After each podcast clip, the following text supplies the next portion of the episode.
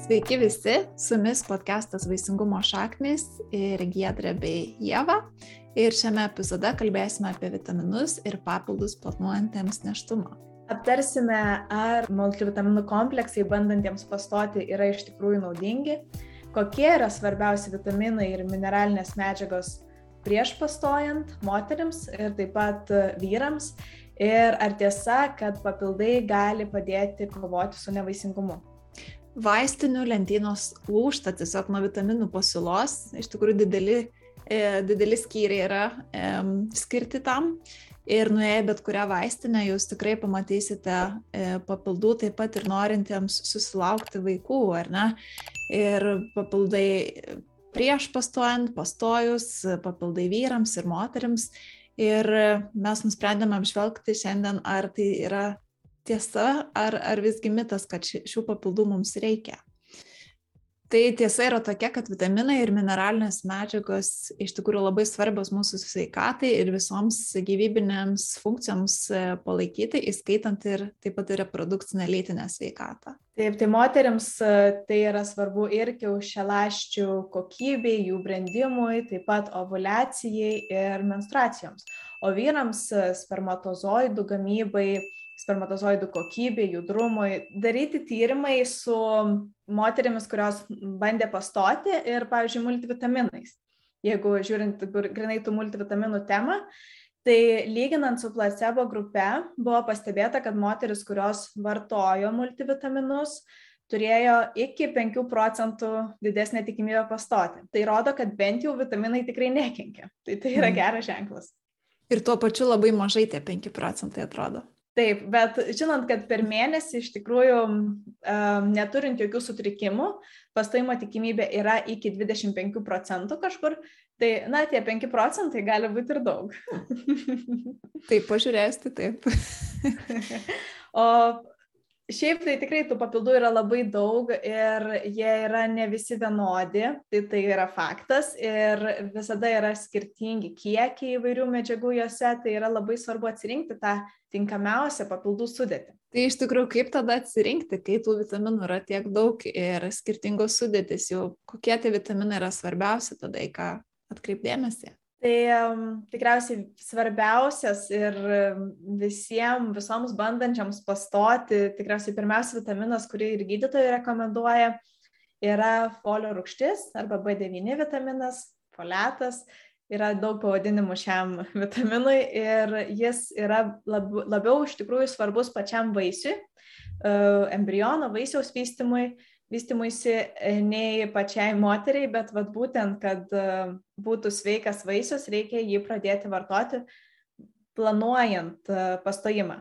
Tai čia jis būtų labiausiai rekomenduojamas bent jau 3 mėnesiai iki daugmaž planuojamo jau to pastojimo ir dar kokį 12 savaičių pastojus, nes jis yra labai svarbus vaisiaus raidai, kaip ir minėjau, tai būtent e, apsaugo nuo nervinio vamzdelio defektų ir taip pat širdies sydų, tai čia yra tikrai jau tai pagrista.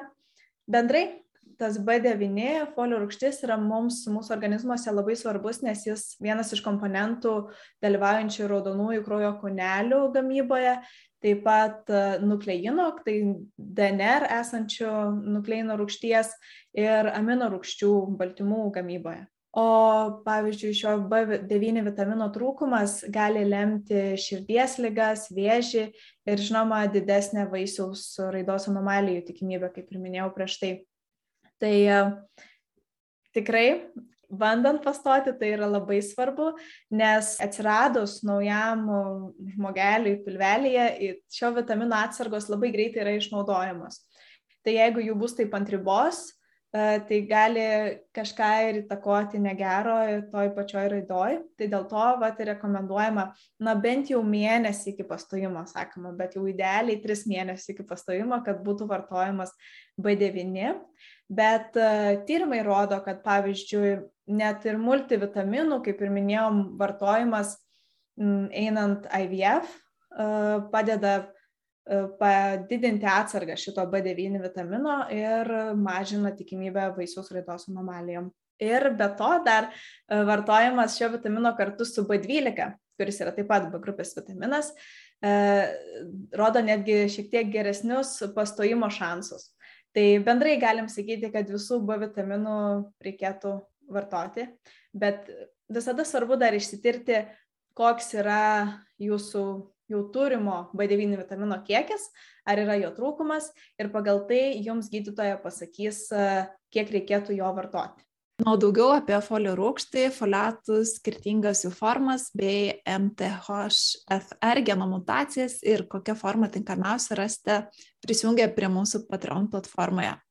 O nuorodą į šią platformą rasite e, aprašymą pačioje. O kokie dar vitaminai yra svarbus? Kitas e, šiame topė būtų vitaminas D. Tai dabar D vitaminas yra labai toks, sakyčiau, top karštas vitaminas e, vaisingumo srityje. Ir yra tyrimų taip pat, kad jo nepakankamumas būtent yra susijęs su nevaisingumu. O aš girdėjau, kad šiaurinėse valstybėse tai labai dažnas atvejis, nes mums trūksta saulės tiesiog. Taip, sakoma, kad bent iki 20 procentų žmonių beveik visada gyvena su vitamino D stygiumi mūsų šalise. Mm. Pavyzdžiui, vitaminas D yra vienas e, tų svarbiausių vitaminų mūsų bendrai sveikatai, imuniniai sistemai ir kalcio pasisavinimui. Tai tai tikriausiai žino visi, bet taip pat jis yra svarbus ir vaisingumui. Ir pastebėta, kad jis prisideda ir prie vyrų, ir prie moterų vaisingumo, jis dažnai yra rekomenduojamas, pavyzdžiui, turint policistinių kiaušidžių sindromą, taip pat um, einant IVF, sakoma, kad jis netgi gali mažinti endometriozės riziką. Na, daug įvairiausių tyrimų iš tikrųjų su juo yra daryta. Bet čia gal labiau reikia atkreipdėmėsi tai, kad nereikia šio vitamino vartoti ir be sustojimo, sakykime.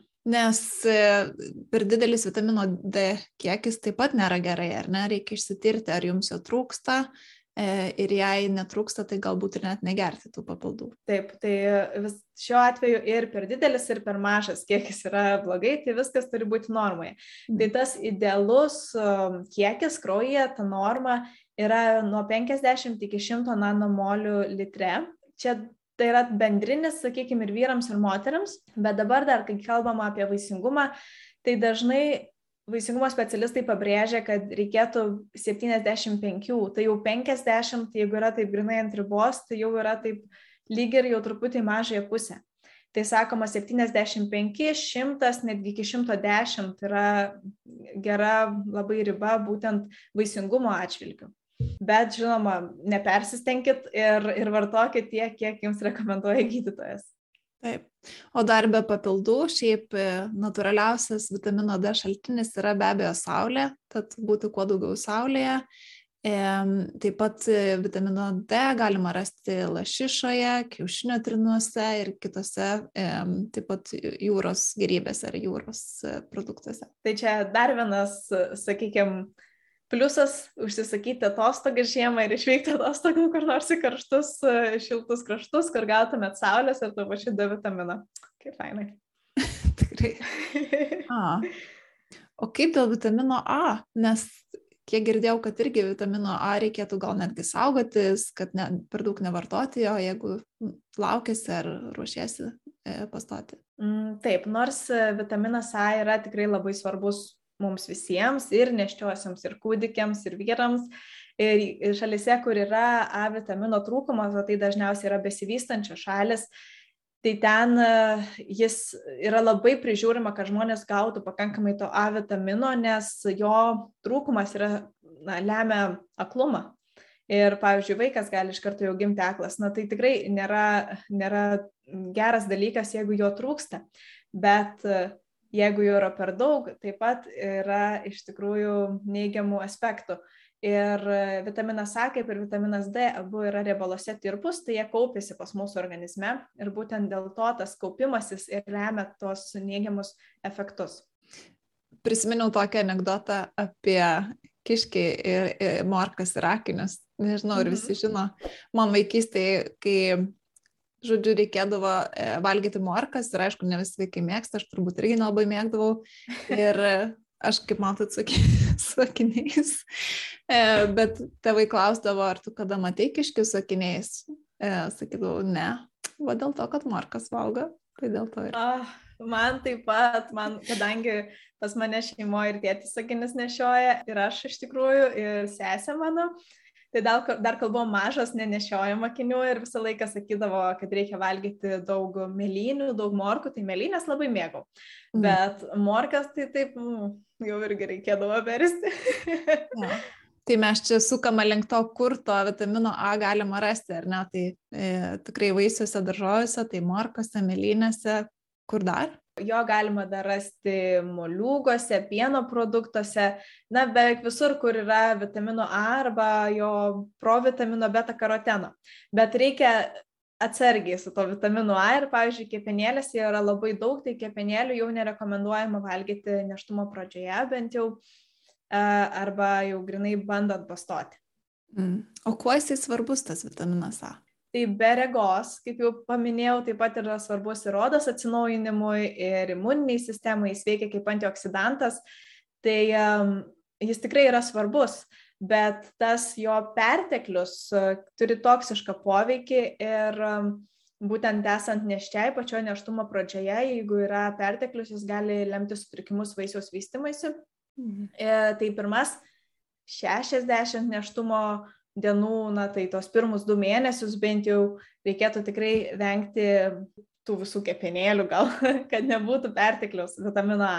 Bet kadangi jo įprastai gausime iš maisto, tai papildų pavyzdžiui, neštumo papildų ar kažkokių prenatalinių papildų, kur, kur būtų vitaminas A, tai reikėtų jų vengti. Bet mhm. kiekvienu atveju, kaip visada, rekomenduojam pasitarti su gydytoju, kaip yra jūsų konkrečioje situacijoje, nes galbūt jums kaip tik yra vitamino A trūkumas ir jums reikės šio vitamino. Dar esu girdėjusi apie tokį ale stebuklingą e, vitaminą, e, ypač gerą ar kaip naudingą vaisingumui, e, tai kofermentą Q10. Tai galvoju, gal pakalbam apie jį truputėlį ir kuo jis yra naudingas. Ar iš vis naudingas, o gal čia mitas, gal čia dar viena pasaka, kurią mums seka. Mhm. Taip, kofermentas Q10 būtų prie šitų pačių, sakykime, svarbiausių vaisingumui vitaminų. Uh, jis taip pat dabar susilaukia labai daug dėmesio ir vyrų, ir moterų vaisingumo srityse. Ir sakoma, kad jis padeda netgi pagerinti kiaušidžio atsaką IVF procedūrų metu. Taip pat, žinoma, pažiūrėjau, apie patį šitą vitaminą, kuo jis yra svarbus. Jis nėra kaip tikras vitaminas, jis yra į vitaminą panaši medžiaga ir ji labai yra svarbi energijos gamybai mitochondrijose. O mitochondrijos yra tokios tarsi mažos energijos gamyklėlės lastelėse. Ir kuo daugiau mitochondrijų yra, tuo daugiau energijos tai lasteliai reikia jos funkcijoms atlikti. Tai pavyzdžiui, širdies raumens lastelė yra apie 5000 mitochondrijų, kas jau yra tikrai daug lyginant su kitom lastelėm. O kiaušilastėje yra net apie 100 tūkstančių. Wow. Kas yra, aš net neįsivaizduoju, kaip jie ten telpa, bet tai rodo, kad e, kiaušialastės funkcijai tos energijos dar labiau reikia. Ir žinoma, kad su amžiumi kofermentų Q10 e, kiekis mažėja, tai dėl to labai dažnai visokiose kremuose taip pat būna pridėta kofermentas Q10, tikriausiai tikrai esat matę. Mhm. E, ir dėl to sakoma, kad ir sutrinka visos tos funkcijos ir būtent kiaušialastės taip pat tampa, na, ta kokybė kiaušialąsčių nukrenta. Tai kiaušialąsčių brandimui ir pagrindė ovulacijai reikia tiek daug tos energijos, būtent dėl to mums reikia pastoviai turėti to kofermento Q10 tinkamą kiekį ir mes jį savo organizme iš tikrųjų gaminame.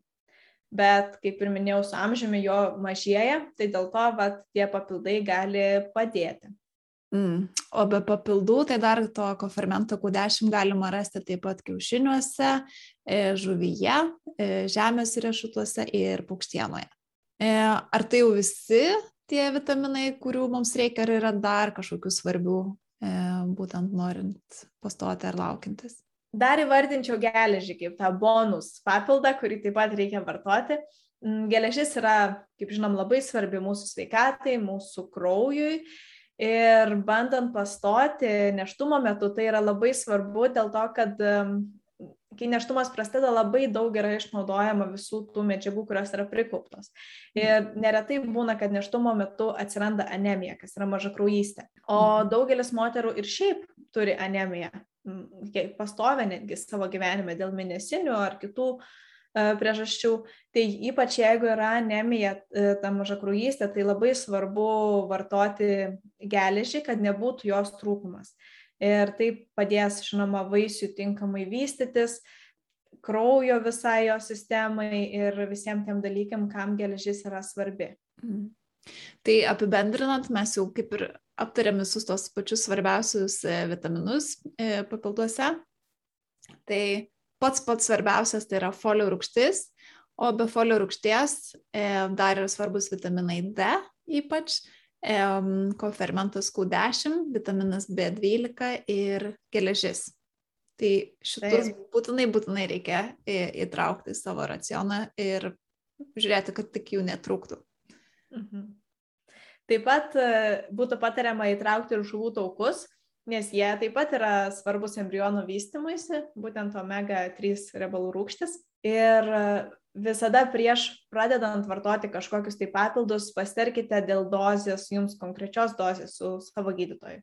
Nes, e, kaip ir minėjau, prieš tai dozė gali skirtis priklausomai nuo to, ar jums yra trūkumas, ar jums tiesiog reikia palaikyti tą vitaminą tokiame kiekyje, kiek jo yra dabar.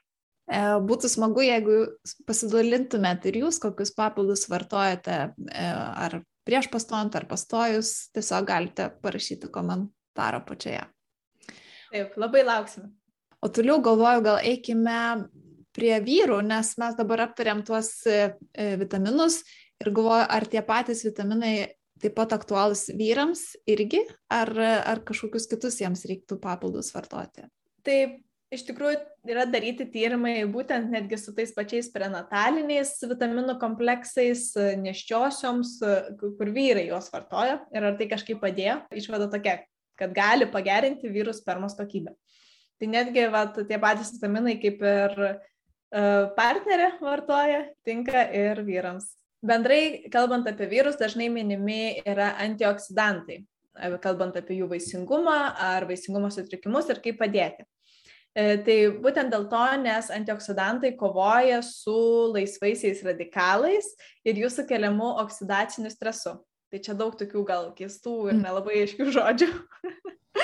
Bet tiesiog bendrai, e, kalbant, laisvėjai radikalai yra tie blogiečiai, kurį, kurių daugėja ir su amžiumi, ir nesveikai gyvenant, ten nesveikai maitinantis, taip pat nuo įvairių žalingų įpročių ir nuo net aplinkos teršalų.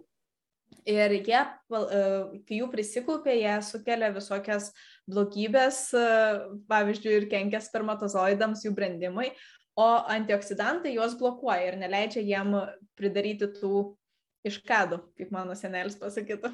Mm. O tai, blogybių. Aha, kas tie antioksidantai? Tai yra irgi kažkokios medžiagos ar? Tai pavyzdžiui, būtų vienas mums labai gerai žinomas vitaminas C, kurį tikriausiai daugelis ir vartoja kasdien. Uh, Um, tai buvo darytas tyrimas su vyrais, kuriem yra nustatytas nevaisingumas ir jie vartojo 1000 mg du kartus per dieną vitamino C. E, na, tai vitaminas C nesikaupia, tai tokios dozės dažniausiai didesnės dozės kaip ir negastina šiuo atveju. Ir tai buvo vartota du mėnesius ir po to stebėta, ar yra kažkokių pokyčių spermatozoidų kokybėje.